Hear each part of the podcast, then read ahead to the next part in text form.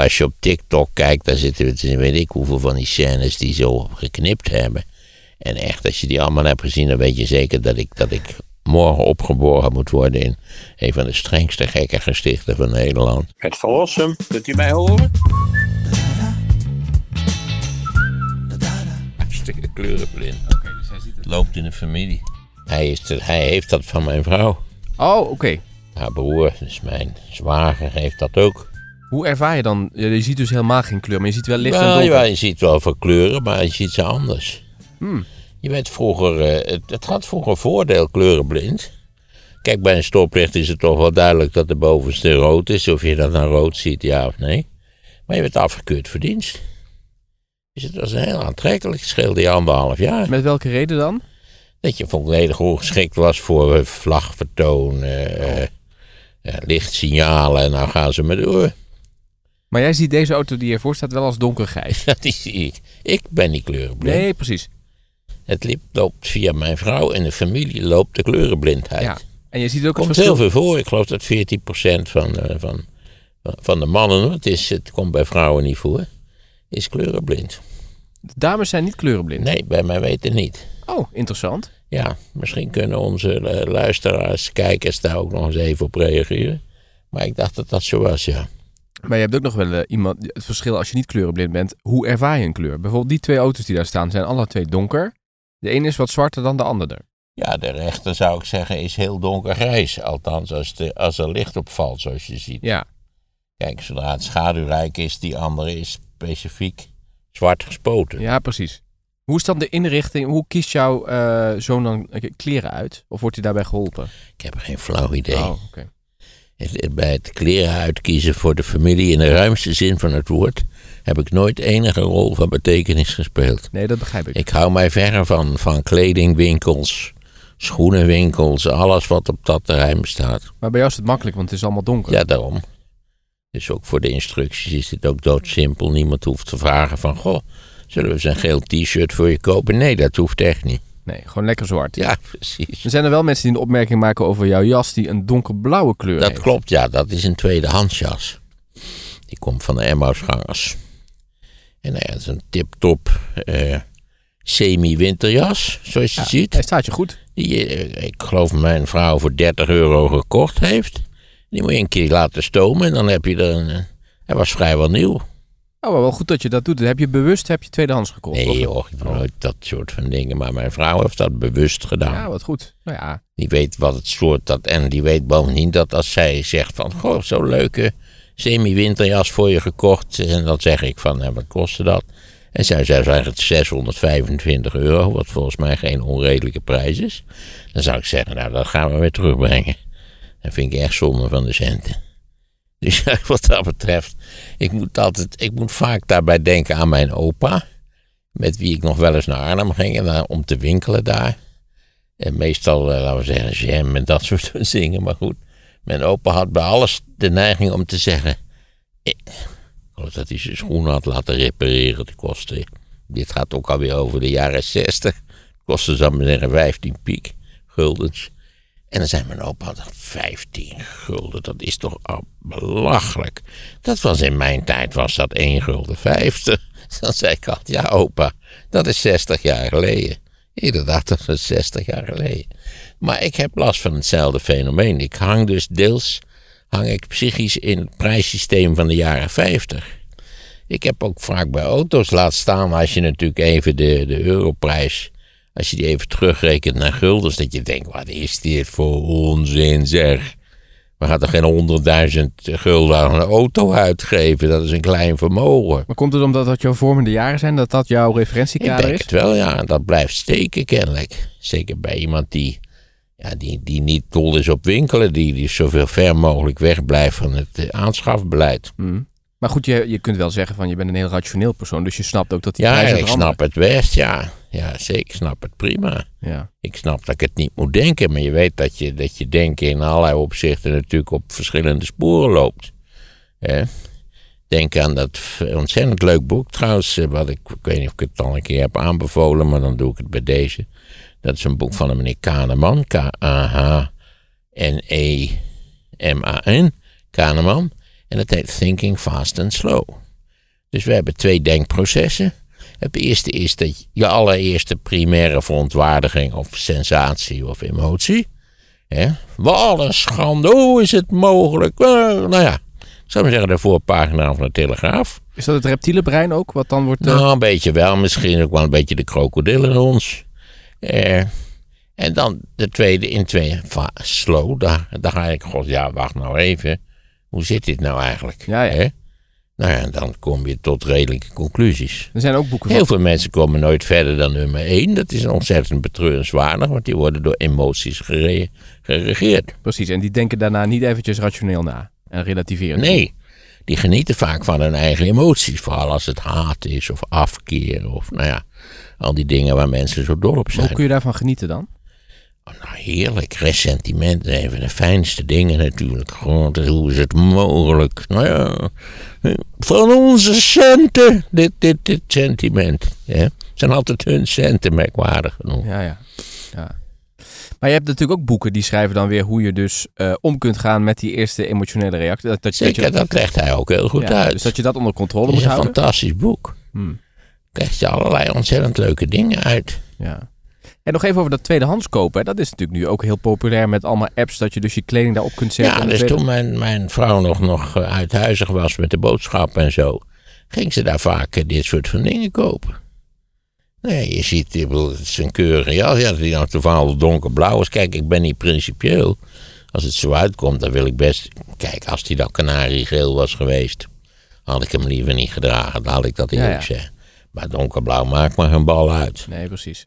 Maar ik heb ook kleding heb ik voor 3 euro ergens opgezet. En dan krijg je via zo'n app iemand in Zuid-Frankrijk die zegt ik wil het wel hebben. En dan wordt het opgestuurd. Nou ja, dat is duurder. Het opsturen is duurder dan, ook, ja. eh, dan de kleding zelf in dit geval, lijkt mij. Maar eh, eh, kleding is een enorm maatschappelijk probleem, alleen zien we dat niet. Want wij zijn in het algemeen geneigd om dingen niet af te dragen, maar al, al heel snel te zeggen: we moeten weer eens iets nieuws, een leuk jurkje, leuk jasje, leuk je ditje of datje. De, de, de wintersportmode is veranderd, dus we moeten nou allemaal iets anders hebben. Klik, klak, robbel. Ehm, ja, en, en, daarmee, kleding is, is ook, het, het, het, verrot niet snel. Het, blijft zich ophopen. De verwerking van oude kleding, dacht ik, is een aanzienlijk probleem. Dus ja, mensen zouden moeten beginnen met hun kleding gewoon wat efficiënter te gebruiken. En Zo, wat, wat wil dat zeggen? bijvoorbeeld zoals ik. Langer dragen. Ja, dat je je kleding afdraagt. Oké, want hoe lang heb je deze broek al? Nou, ik weet niet, eh, tien jaar of zo. Het enige probleem met mijn kleding is natuurlijk het feit dat mijn corpulentie in de afgelopen 25 jaar is toegenomen. Ja, ja. Maar heb jij meerdere van deze zwarte broeken? Ja, ik heb een stuk of twee, drie of zo. Oké, die wissel je af. Ja, al zegt mijn vrouw altijd, je moet iets meer hebben. Stel voor, er gebeurt iets of zo. Gooit er een potje rode inkt overheen. Ik noem maar wat op. Ik heb geen potje rode inkt, maar toch. Eh, maar dat, dat doe ik dan pas als het nodig is eigenlijk. Mhm. Heb je bij Lubach laatst niet die, die vuilnisbel aan kleding volgens mij in Afrika gezien? Waar ze daar ook dus nou, de leukste spullen eruit halen en de rest Ja, blijft liggen. Ja, zeker. Dat is sowieso, in, waar we voor, in zoverre wij ons vuilnis exporteren, is dat een gigantisch probleem. Je hebt toch ook wel eens die kerkhoven van oude computers gezien, Ja. Waar we ook absoluut niet weten wat we ermee aan moeten natuurlijk. Mhm. Daar is het vaak nuttig om de printplaten eruit te halen en de, de, de speciale metalen of wat, wat, wat erop zit af te, eraf te halen. En voor de rest, ja, wat moet je met zo'n suf eh, beige kastje? ja. Dat is een probleem. Sowieso natuurlijk is ons afval een gigantisch probleem. Mhm. Ja, ik stond van de week bij een container waar spullen die hier ook een, eh, bij de verbouwing in de straat Ja, stond. toen wij hier de, de container hadden, is het is een ontzettend attractiepunt van mensen die Ja. van alles en nog wat eruit halen. Precies. Oude planken, Douchekoppen. ja, de gekste spullen werkelijk. Ja, Ook s'nachts werd er altijd in dat ding gerommeld. Wat wij dan weer vervelend vonden natuurlijk. er kwam een man langs en die ging in die, in Ja, die, in die bak kijken. En zei, oh, dat gordijn Ja. kan ik nog gebruiken. Wat goed is nee, toch? Je hebt mensen die fietsen gewoon de stad rond. En hij had een scootertje en had het hele scootertje had hij volgeladen met allemaal spullen. Het was nog een, een, een kunst om Nou dat ja, overeind op te houden. zichzelf eh, is het goed dat hij het hergebruikt. Ja. Waar dan ook voor. Je vraagt je af waarvoor dan. Maar goed, eh, het, het is wel nuttig. Ja. Eigenlijk het concept van marktplaats, hè? wat zij al Ja. jaren doen. Ja, hetzelfde idee. Als je het daar kwijt kunt en iemand anders blij mee maken met je, met je babybedje, ik noem maar wat op. Ja, Eh, dat was ook bijvoorbeeld eh, heel voordelig was. Want wij kregen wat later kinderen dan veel van onze kennissen. Dus dat je, dat je al die boksen en bedjes en, en, en wat had je er voor flauwekul bij. Die je nooit meer dan, eh, dan anderhalf jaar of zo gebruikt.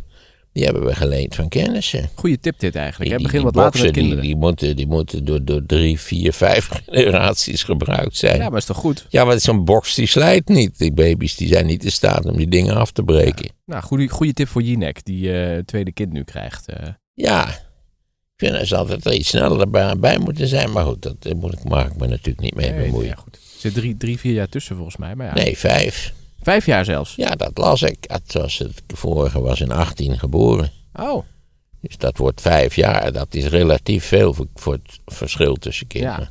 ja. Meestal is het een jaar of twee, hè?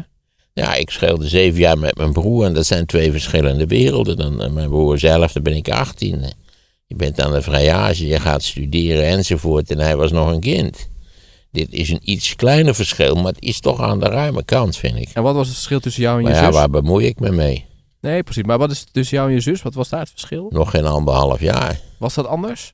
Ja, totaal. Omdat mijn zuster veel, veel gehaaider was dan ik was. En zoals meisjes ook wat, wat sneller in de ontwikkeling was. eh, Heb ik ontzettend veel aan mijn zuster gehad. Ik heb vaak genoeg gedacht dat mijn zus, dat we een soort tweeling waren eigenlijk. Ja, dat toevallig zaten nou die ongelukkige uit anderhalf oorlogsjaren daartussen. Maar ja, dat, dat dacht ik vaak. Hm. Ten meer ook dat ze een aantal andere typische trekken van mij, of van de familie, zo je wilt, eh, met mij deelden. Namelijk dat wij ons enorm konden opwinden over van alles en nog wat. En de meeste mensen ontzettend stom vonden. En mijn zuster had daar nog veel meer last van dan ik, kan ik je verzekeren. Eh, en ook tot de proge leeftijd. Ik ben wel wat milder geworden dan ik was. Maar mijn zuster bepaalt niet. Eh, en mijn zuster was, eh, vooral natuurlijk toen we nog kinderen waren, was zus, mijn zuster een handzaam om, om straat bij je te hebben. Want ze was nergens bang voor. Ik werd altijd in elkaar geslagen. Eh, Mijn, mijn zuster ging ze gewoon te lijf, rukzichtloos ging ze ze te lijf. En Vincent? Ja, die is zeven jaar jonger, dus die, die was ook, ook in onze ogen natuurlijk een, ja, een nakomertje, een kind. Dat, dat trekt pas bij als je ja, boven de 25, boven de 30 zou ik zeggen.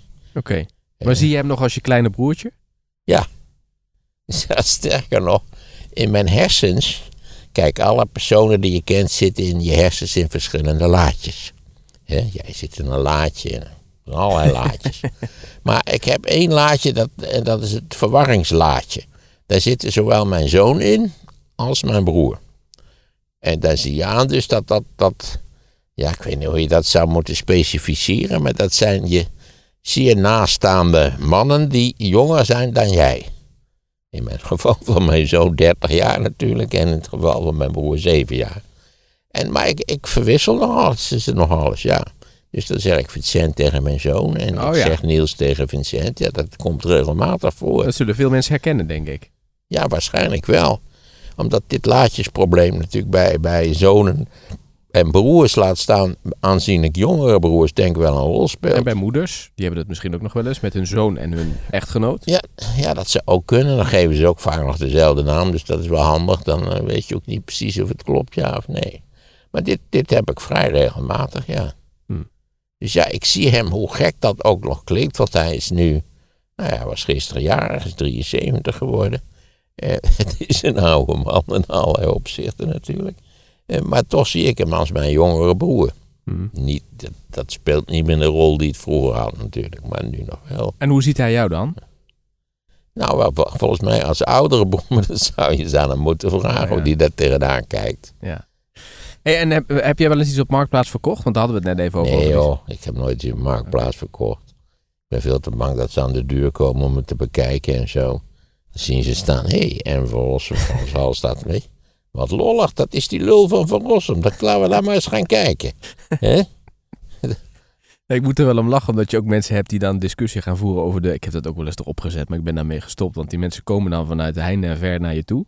En die voeren overal discussie over, hè. Als je een koffiezetapparaat eh, bekijkt, willen ze kijken hoeveel kopjes die heeft gezet. En dat dit bepaalt dan weer de prijs. Dus nou ja, je bent al lang blij dat Maar iemand je het hebt het al als je je huis verkoopt.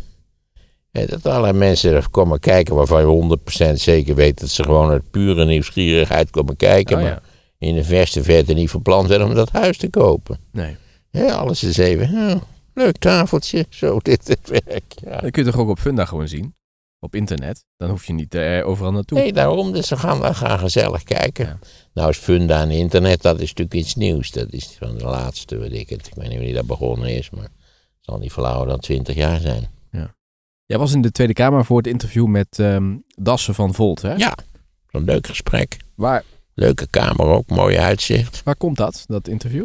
In de Maarten. Oké. En Die, wij- die, eh, die is volgens mij afgelopen donderdag naar de drukker gegaan. Dus die zou in principe eh, in het kom- begin van de komende week gedistribueerd moeten worden. waar hebben jullie het over gehad?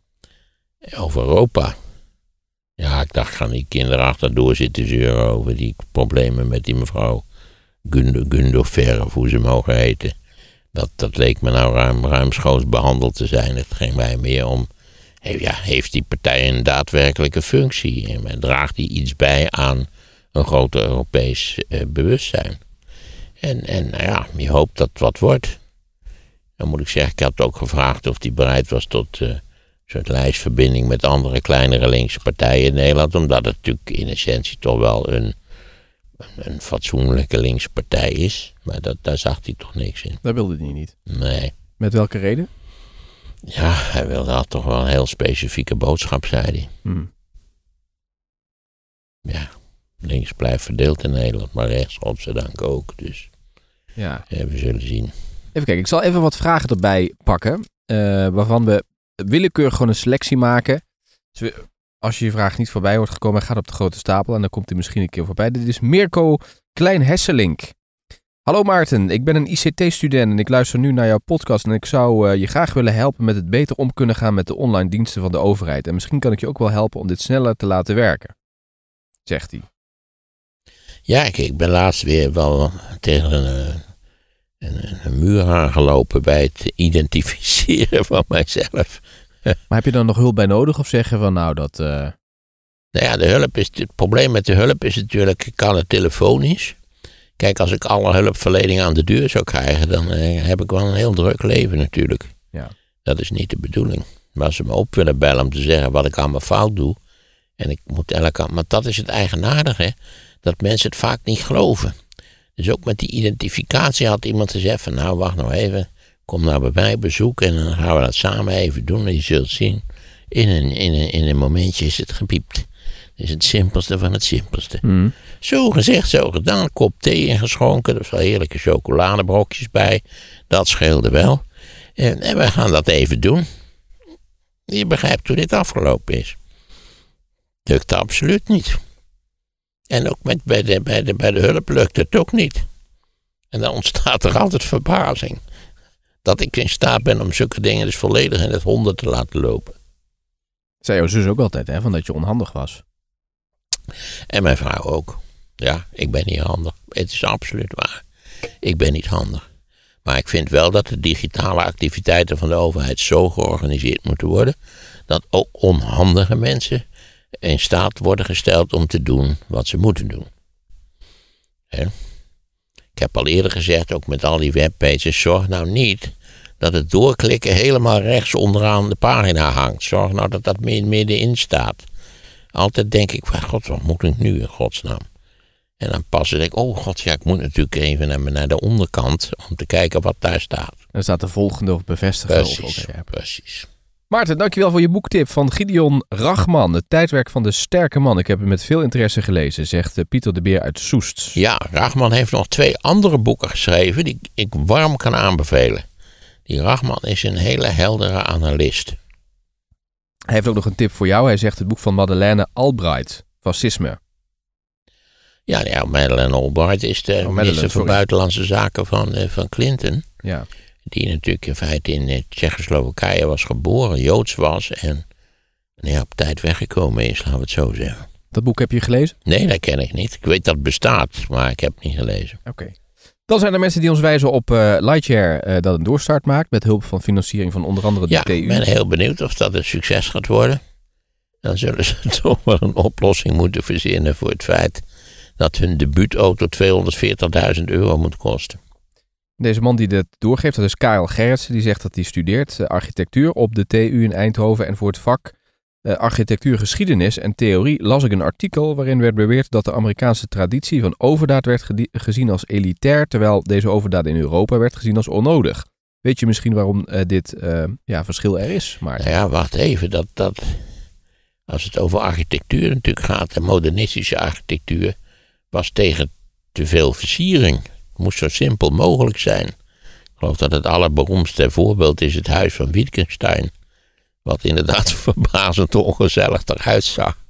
Uh, en, en ja, dus eh, het hele modernisme is gericht op, op weinig, zo weinig mogelijk versiering, simpele, simpele, efficiënte vormen. En het gekke is natuurlijk dat dat aanvankelijk heel succesvol is, maar op de lange termijn toch niet bevredigend heeft uitgepakt. Het is net als een beetje als abstracte schilderkunst. Het heeft aanvankelijk iets onvermijdelijks. Deze weg moeten wij gaan. Maar tenslotte bevredigt het totaal niet en keren we weer terug naar allerlei ouderwets spul. In de architectuur, postmoderne architectuur is natuurlijk in het algemeen is een wild feestje. Hmm. Weet je iets van de bouwcultuur in Amerika eigenlijk? Daar weet ik wel iets van, ja. Oké. Misschien ook nog een keer interessant, vraagt Karel, om daar iets over te doen. Ja, we hebben trouwens, hebben we niet al vorige keer iets over, hoe heet het gezet, over Berlage? Of heb ik dan uh, dat weer bij heel, een hele andere gelegenheid bij, gezegd? Bij Wortelboer heb je dat gedaan, denk ik. Oh, ik kan me niet herinneren. Ja, het zou best kunnen.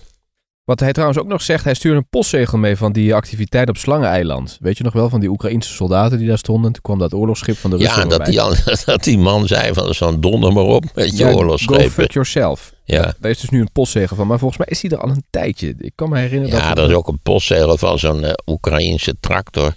Die zo'n uh, aangeschoten Russische tank voortsleept. Daar is ook een postzegel van. Ja. En over Lightyear dat doorgaat, daar krijgen we veel reacties over 8 miljoen. Hebben ze nu volgens mij om mee door te gaan. En ik sprak nog iemand, Robert, die, had, die werkte daar ook op de communicatieafdeling. En die zegt, ja, ze gaan met 100 man nu verder van de 600 die het aanvankelijk was. Ja, 8 dus- miljoen, dat is peanuts, joh. Ja, peanuts. Dat is er zo doorheen. Ja. Ik las wel dat er ook een concurrent van uh, Lightyear was, volgens mij in Zuid-Duitsland, als ik me niet vergis, die ook de handdoek in de ring heeft gegooid. Ah, kijk, nou, we zijn tal van bedrijven natuurlijk met elektrische auto's begonnen. Allemaal natuurlijk een beetje geïnspireerd door, door, uh, door Tesla. Ja. Dan hier iemand die zegt, Maarten uh, die vertelde dat Hitler nooit in dienst was geweest, maar hier lees ik iets op Twitter dat hij soldaat was in Vlaanderen. Ik heb nooit gezegd dat hij nooit in dienst was geweest. Sterker nog, zijn meest vormende ervaring is dat hij in dienst is geweest tijdens de Eerste Wereldoorlog. Mm. Ik, ik, heb, ik heb dat niet gezegd. We lopen hier tegen een hoogst interessant probleem aan. Mensen die, die op allerlei plekken beweren dat ik dingen heb gezegd of denk die ik nooit gedacht heb, die ik nooit gezegd heb. En dan denk je altijd, waar komt die lulkoek vandaan?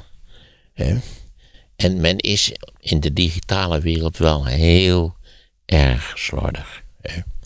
Het is natuurlijk een wereld van retweeters. Hè, die, die nooit enige moeite doen om te kijken waar het vandaan komt. Of uit wat voor context het is gehaald.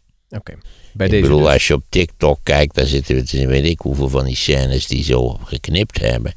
En echt, als je die allemaal hebt gezien, dan weet je zeker dat ik, dat ik morgen opgeboren moet worden in een van de strengste gekke gestichten van Nederland. Maar ja, dat, is, dat wordt je aangedaan. Daardoor ben je wel heel populair, ook bij een jonge generatie. Nou ja, kennelijk. Vanwege die opmerking. U gaat dood. Ik, nee, ik heb een prettige mededeling. U gaat dood. Ik heb goed nieuws. U gaat dood. Dat was voor RTW Utrecht een programma, toch? Ja. ja maar ze gebruiken ook jouw uitspraak allemaal bij huiswerkdingetjes. Ja, precies. Ja. Over de leraar. Maar het gaat dan. Dat ze vaak. Het heeft een heel andere context. Maar goed, ze knippen het allemaal. Het is heel misleidend, maar goed, het is niet anders. Maarten, dit is een vraag eh, van iemand die geen naam daarbij zet. Oh ja, eh, Corine Sol, die zegt, wordt de geschiedenis altijd geschreven door de winnaars? Meestal wel, ja. Dat is een hele vervelende toestand. Meestal wel. Het duurt vaak een hele tijd voordat de verliezers ook hun geschiedenis krijgen. Maar bijvoorbeeld bij, bij natuurlijk uh, Duitsland. Uh, ja, aanvankelijk werd natuurlijk de overwinning op Nazi-Duitsland uh, vanzelfsprekend door de overwinnaars geschreven. Maar ondertussen is er toch ook veel materiaal gepubliceerd. Ook, ook zeer omvangrijke onderzoeken naar de gevolgen bijvoorbeeld van de geallieerde bombardementen op de Duitse steden. Hm.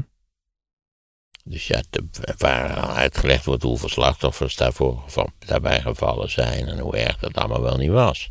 Waarbij altijd heel snel het verwijt is, ja hallo, eigen schuld, dikke bult, niet zeuren. En, en maar ja, aan de andere kant, ja, ik vind dat dat ook beschreven moet worden. Maar goed, de Russen zullen ook een geschiedenisboek schrijven. Dan zal misschien de boel Ja, wat anders Nou ja, de Russen worden. maken voortdurend mooie sier natuurlijk met hun overwinning in de Tweede Wereldoorlog. Dat is Mhm. een van de hoofdpunten van de, van de retoriek van Poetin. Ben je fan van South Park? Nee, eigenlijk niet. Mijn, mijn dochter is daar een grote fan van, maar ik, ik heb er te weinig gezien. Wat ik ervan gezien heb, vind ik dat wel leuk, maar ik vind die, die platte poppetjes niks. Oké, Ruben Scherps die heeft eh, in ieder geval een leuke aflevering gezien waar Harry en Meghan belachelijk worden gemaakt. En hij Daar zegt, ik dus- altijd voor. ja, hij zegt ook, het is precies zoals jij het omschreef, Maarten. Dus eh, misschien vind je het leuk om die te bekijken. Ja, dat wil ik dan wel doen. Ja. Dan, Maarten, ik volg je podcast eh, nu sinds een tijdje. Ik vind het helemaal top. Als eerste het gebeuren rondom VI, wat heel nieuw is voor mij. Blijkt een stomzinnig voetbalprogramma te zijn. Inderdaad, platte pret en beperkte intelligentie. Overigens schandalig hoe vooral Van der Grijp zich uitlaat over u. Maar mijn vraag is dit, wat verstaat u precies onder intelligentie? Zegt Evelien Mulder. Nou, dat is natuurlijk een heel ingewikkelde zaak. We hebben een eh, op zichzelf eh, volgens mij redelijk wetenschappelijk gebaseerd soort van intelligentietest. Als je dat goed wilt doen, is dat volgens mij nog een heel proces.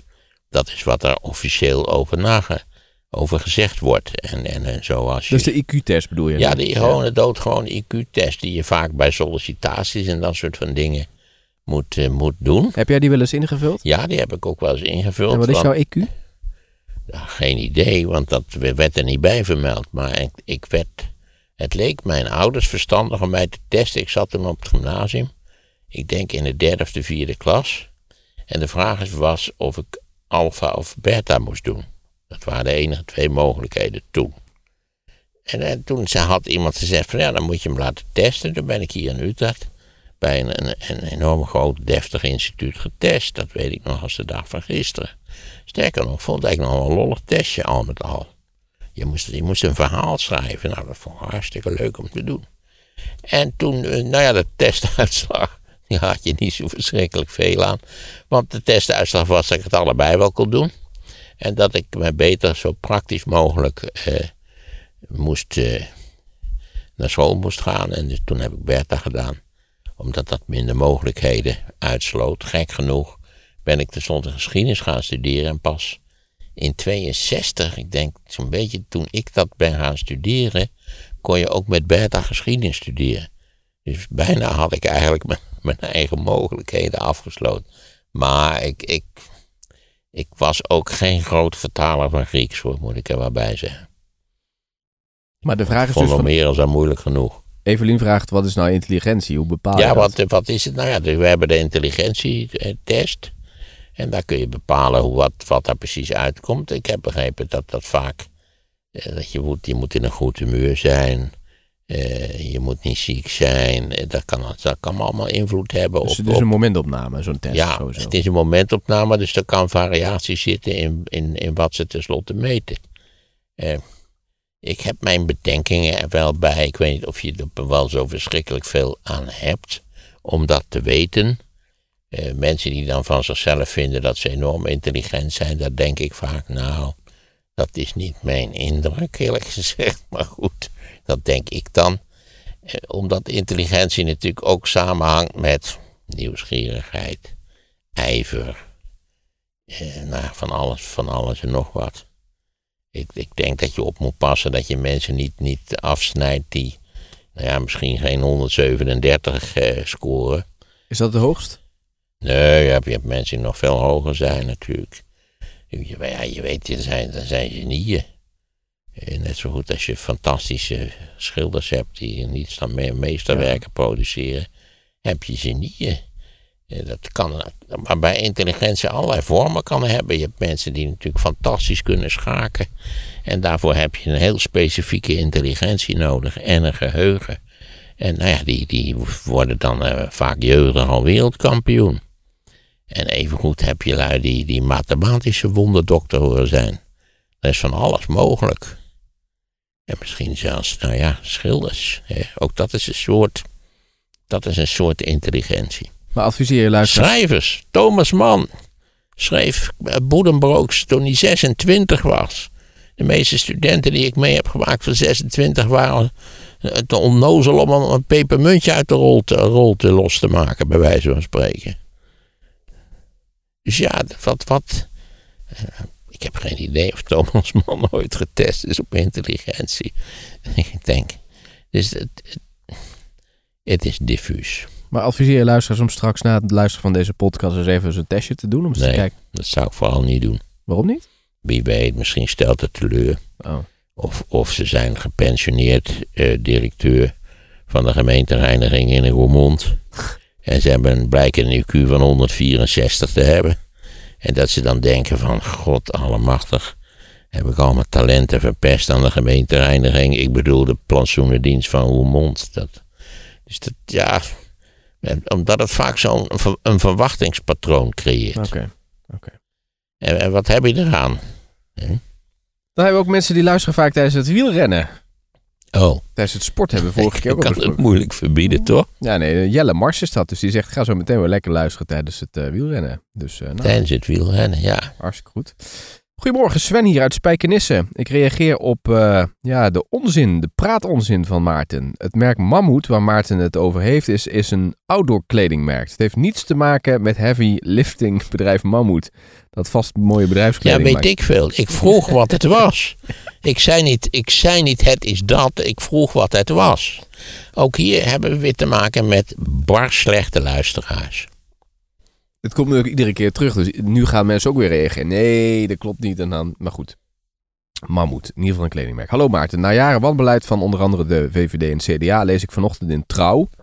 En niet trouwens in, in de verdieping, maar in het normale katern dat SGP, VVD en CDA de mogelijkheden willen bekijken om rechtszaken tegen de overheid moeilijker te maken. Dat Ja. is toch de omgekeerde wereld. Naar mij inziens een zorgwekkende situatie. Wat vind jij er nou van? Zegt Tijmen Ja. Roggema uit Assen. Daar ben ik het helemaal mee eens. Bij mijn weten heeft die motie daarover een meerderheid in de Tweede Kamer gehaald. En eigenlijk hebben deze lieden die dat dus nu georganiseerd hebben in de Tweede Kamer, eh, daarmee die proberen die urgenda-zaken te blokkeren. Die vinden dat de rechter zich daar niet over uit moet spreken. Die vinden dat is politiek. De rechter heeft moet niks met politiek. Terwijl, ja, naar mijn idee, ik bedoel, als het in de wet staat dat we het moeten doen. En de overheid, doet er geen kloten aan. Dan heeft, eh, zou ik zeggen, elke burger het volste recht om een zaak tegen de overheid te beginnen. Ja. Neem Groningen. Neem al die dingen waar we het nu vanmiddag over gehad hebben. hè? Schandalig toch dat dit gedaan Ja, wordt? ik vind, ik vind het onbegrijpelijk. Onbegrijpelijk Ik vind het juist mooi als de rechter zegt: Sorry, overheid. Dit klopt niet. Precies. Terug. Onbegrijpelijk kortzichtig. Als je het over trias politica Maar hebt, goed, dan weet je dus welke partijen eh, over dit soort van dingen denken. waar je dus niet op moet stemmen. Als Ja. je dit niet wil. Nog even kijken, wat zei hij ook alweer? Valt me ook VVD, van die ChristenUnie bitter tegen. CDA, SGP, maar de CDA. Ik zag nu weer een plaatje van dat ze gaan, eh, hoe noemen ze dat, canvas toch? Als ze de stad in gaan Ja. om, ja, daar wordt bij het CDA toch helemaal niks. Die, die Hoekstra kan nu al gaan opschrijven dat het een grote teleurstelling is. En kan die überhaupt blijven zitten, vraag je je af. Kan het hele kabinet blijven zitten. Ja, ja. Het is afgetreden in verband met de toeslagenaffaire. En, en, eh, en mag het dan nu wel blijven zitten? Dat is wel wel wonderlijks eigenlijk. Jij vroeg je eerder ook af, hypotheekgever en hypotheeknemer. Wat Ja. is nou het eh, verschil? We hebben een kandidaat-notaris en die heeft er een verhaal over geschreven. Het is vrij lang. Wil je het horen? Nou, lees maar voor, dan weten we het misschien is- definitief. Hij zegt het is eigenlijk heel makkelijk. Een hypotheek is in het burgerlijk recht precies het tegenovergestelde wat men zegt in het spraakgebruik. Dus het is namelijk het verstrekken, juridisch gezien het vestigen van een zekerheidsrecht op een onroerende zaak. Zoals de grond waarop je woning staat. Dus je krijgt dus geen hypotheek van de bank, maar je verstrekt juist zelf een hypotheekrecht aan de bank. Ja, precies, zo zit het. Die op haar beurt hypotheeknemer is. Je krijgt het geld van de bank door het afsluiten van een lening. De hypotheekvestiging vindt plaats door een notariële akte bij de notaris. En in 2022 zijn er 425.000 hypotheekakten getekend. En dit zijn niet alleen woningen. Dus dat vertelt hij. Ja, precies. Het is het precies omgekeerd dan het gezond verstand je doet vermoeden. Ja, en hij zegt, wist je trouwens Maarten, dat je in de hypotheekakte ook feitelijk al je inboedel via een aanvullend pandrecht als zekerheid aan de bank verstrekt. Alle spullen die je thuis ziet zijn daarmee vatbaar voor executie. Nou, dat vind ik prima. Mocht ik dan toch tenslotte failliet gaan en de tent die wordt hier geveild. We hebben niets in huis wat, wat, wat door de bank op prijs kan worden gesteld. Heel veel documenten, heel veel boeken. Ja, de boeken, daar heb je helemaal geen zak aan. Door het internet is de, is de hele tweedehands boekenmarkt als een pudding in elkaar gestort. Hij zegt trouwens ook, wees gerust, betaal je netjes elke maand en houd je je aan de afspraken met de bank, dan heb je geen last van de bank. Sterker nog, als er een hypotheek gevestigd is, zorgt dat er weer voor dat de bank veel meer zekerheid heeft op terugbetaling van de lening en dan krijg je dus een lagere rente. Ja, ik heb altijd precies volgens de voorschriften gehandeld, dus ik heb ook nooit problemen gehad. Oké, en dit zegt, dit zegt trouwens Lucien, die heeft dat uh, doorgegeven. Dankjewel daarvoor. Dan gaan we dus even kijken. Hallo Maarten, ik wil toch nog even terugkomen. Oh, weer dat mammoet laat ik nu even zitten hoor. Dat is weer iemand met mammoet. Maar dat is toch een zaak van geen enkel belang, waar ik alleen een soort, soort ja, en passant een vraagje ja. over gesteld heb. En daar wint men zich dan weer enorm over op. Ja. Wel hele mooie reclame voor welk merk het dan ook is, maar dit is dus niet bewust uh, reclame. Even kijken, elke dag op de fiets ga ik naar de universiteit uh, of op de loopband in de sportschool en luister ik naar de podcast. Ik heb twee vragen aan Maarten. Om de opkomst te verhogen bij de verkiezingen zouden we stemplicht kunnen invoeren aan België. Wat zouden daarvan de bezwaren zijn? Blanco stemmen is namelijk ook een stem. Dat het, hoe heet het, kan niet geëffectueerd worden. Kan niet gehandhaafd worden. Ga je iedereen die niet komt, ga je die een boete geven? Ik, ik meen dat dat toen er nog stemplicht was. Bij ons was stemplicht tot 74 volgens mij. En dan moest je geloof ik, kreeg een boete van 5 gulden als je niet kwam stemmen. Maar ja, handhaving, denk ik, nu, nu komt uh, ongeveer een kwart van de, van, de, van de kiezers komt niet stemmen. Dan moet je denken hoeveel mensen dat zijn. Die kun je wel verminderen, denk ik, door dat verplicht te maken. Ik heb, heb, ik heb daar mijn twijfels bij. Of ga je dan de boete verhogen? Ga je dan zeggen, ja, die moet 1000 euro betalen als je niet komt stemmen? Dan krijg je een opstand. Er zijn tal van mensen die hebben helemaal geen zin om te stemmen. Maar kijk naar het hard te hard rijden. Dat wordt ook niet heel uh, effectief gehandhaafd. Nee, met alle gevolgen van dien. Maar het heeft wel effect. Ik zou zeggen, bij het, bij het hard rijden zou ik nog geneigd zijn om te zeggen van... Vooral omdat mensen die te hard rijden, dat komt nog alles voor... anderen in gevaar brengen. Terwijl als je ja. niet komt stemmen, dan breng je niemand in gevaar. Sterker nog, je onthoudt ongetwijfeld het Nederlandse politieke systeem... je eigen stomzinnige opvatting over de politiek. Oké, okay, dus... Om het maar even zo kwalijk te formuleren. Dus je antwoord op Justin de Weert, want die stelt deze vraag is... heeft geen enkele zin. Nee, volgens doen. mij werkt het in België ook niet. Dit is Justin trouwens. Oh, kijk. Ja, ik begrijp. Het is een vrolijke jongen. Die gelooft nog in de mensheid. Tweede vraag van Justin gaat over wat Maarten zei in de laatste aflevering. Stel dat het Koningshuis wordt afgeschaft. Dan zou ik zeggen ook geen president. Laat de minister-president de rol van staatshoofd vervullen. Nee, nee, nee, nee, nee, nee, niet doen, niet doen. Geeft, de, geeft de, het staatshoofd, de soeverein, geeft hij geen politieke taak. Dat, dat leidt allemaal tot polarisatie, woedeuitbarstingen, moordpartijen. Ga ze maar door. Doe dat niet. De soeverein heeft geen andere taak dan soeverein te zijn. Niet waar, uh, het jaarlijkse parlementaire jaar te openen, linten door te knippen en eventueel eilanden in de Caribische Zee te, bezoeken. Dat kan allemaal. Maar wat hebben we daaraan, vraagt hij? Wat heb je nou aan zo'n ceremonie? Je hebt een soeverein nodig. Je hebt gewoon iemand nodig die bij gelegenheid op beperkte mate de natie kan vertegenwoordigen. Oké. Okay. Dan hebben we hier Floris van der Veen. Die heeft het nog even over de basisbeurs. Hij zegt in de oude situatie was het zo dat je als je binnen het eerste jaar stopte met je studie, dan hoefde je de studiefinanciering niet terug te betalen. Daarna, als je het niet afmaakte, moest je alles terugbetalen, inclusief het OV-reisproduct. Als je binnen 10 jaar afstudeerde, werd het inderdaad een gift. De rechten liepen tot 4 jaar studie. Daarna werd het omgezet in een lening om het op die manier te krijgen. Het was een lening die je kreeg, tenzij je aangaf dat niet te willen. Ik weet nog niet of dat bij de terugkeer ook verandert. Dit gold ook voor het studentenreisproduct. Ik vond dat laatste eigenlijk niet goed. Als een bankje zo'n lening geeft, is deze strafbaar. Bij Duo was dat het beleid. Ik hoop ten zeerste dat deze constructie bij de terugkeer eruit wordt gehaald, want veel studenten zijn daarvan de dupe geweest en bij langer studeren, wat op het moment vrij normaal is, hebben ze toch een schuld opgebouwd die niet had gehoeven. Floris van der Veen zegt dat. Ja, ik weet er technisch veel te weinig van om daar een verstandig antwoord op te geven. Het klinkt verstandig wat hij zegt. Oké. Oké.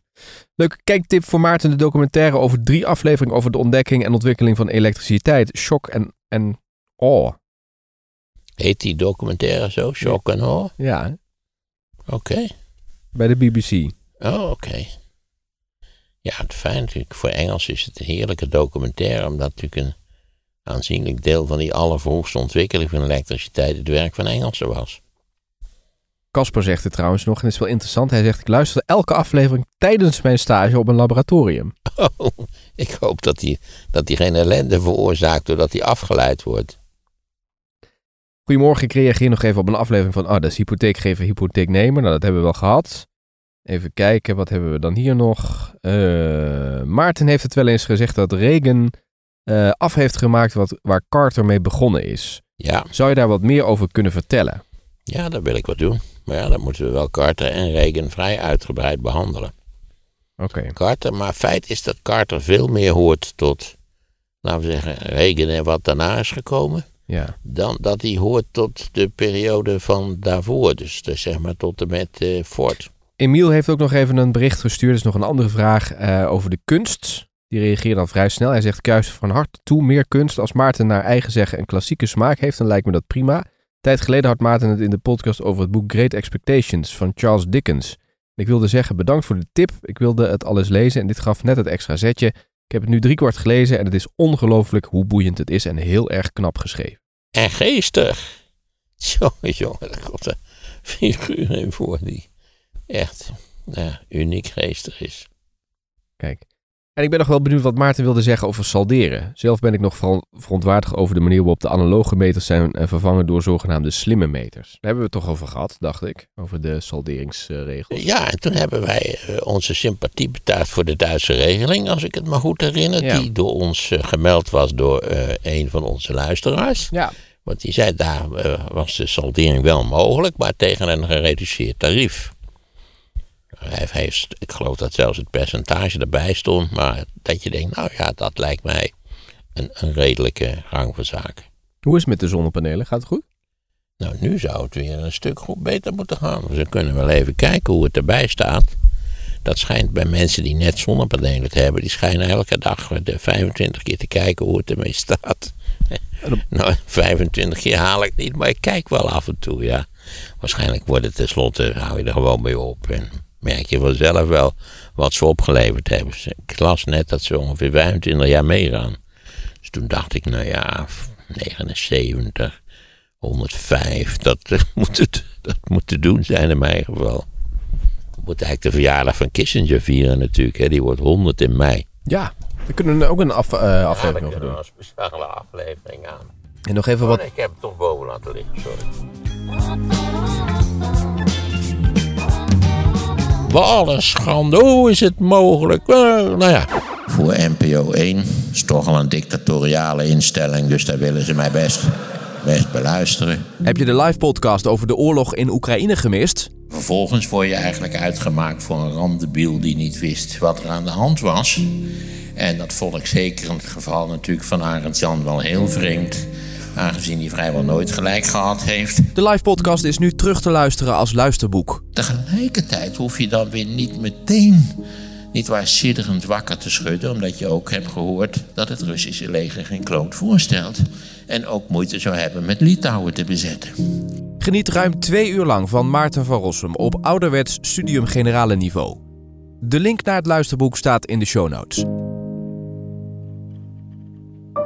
Waarom moet je je mobiele telefoon s'avonds niet op je nachtkastje laten liggen? Julian Jachtenberg legt het uit in de podcast Sea Level. En die luister je nu via de link in de show notes. En wil je weten wat podcasting voor jou kan betekenen? Kijk dan op streamy.audio. Streamy met een Y.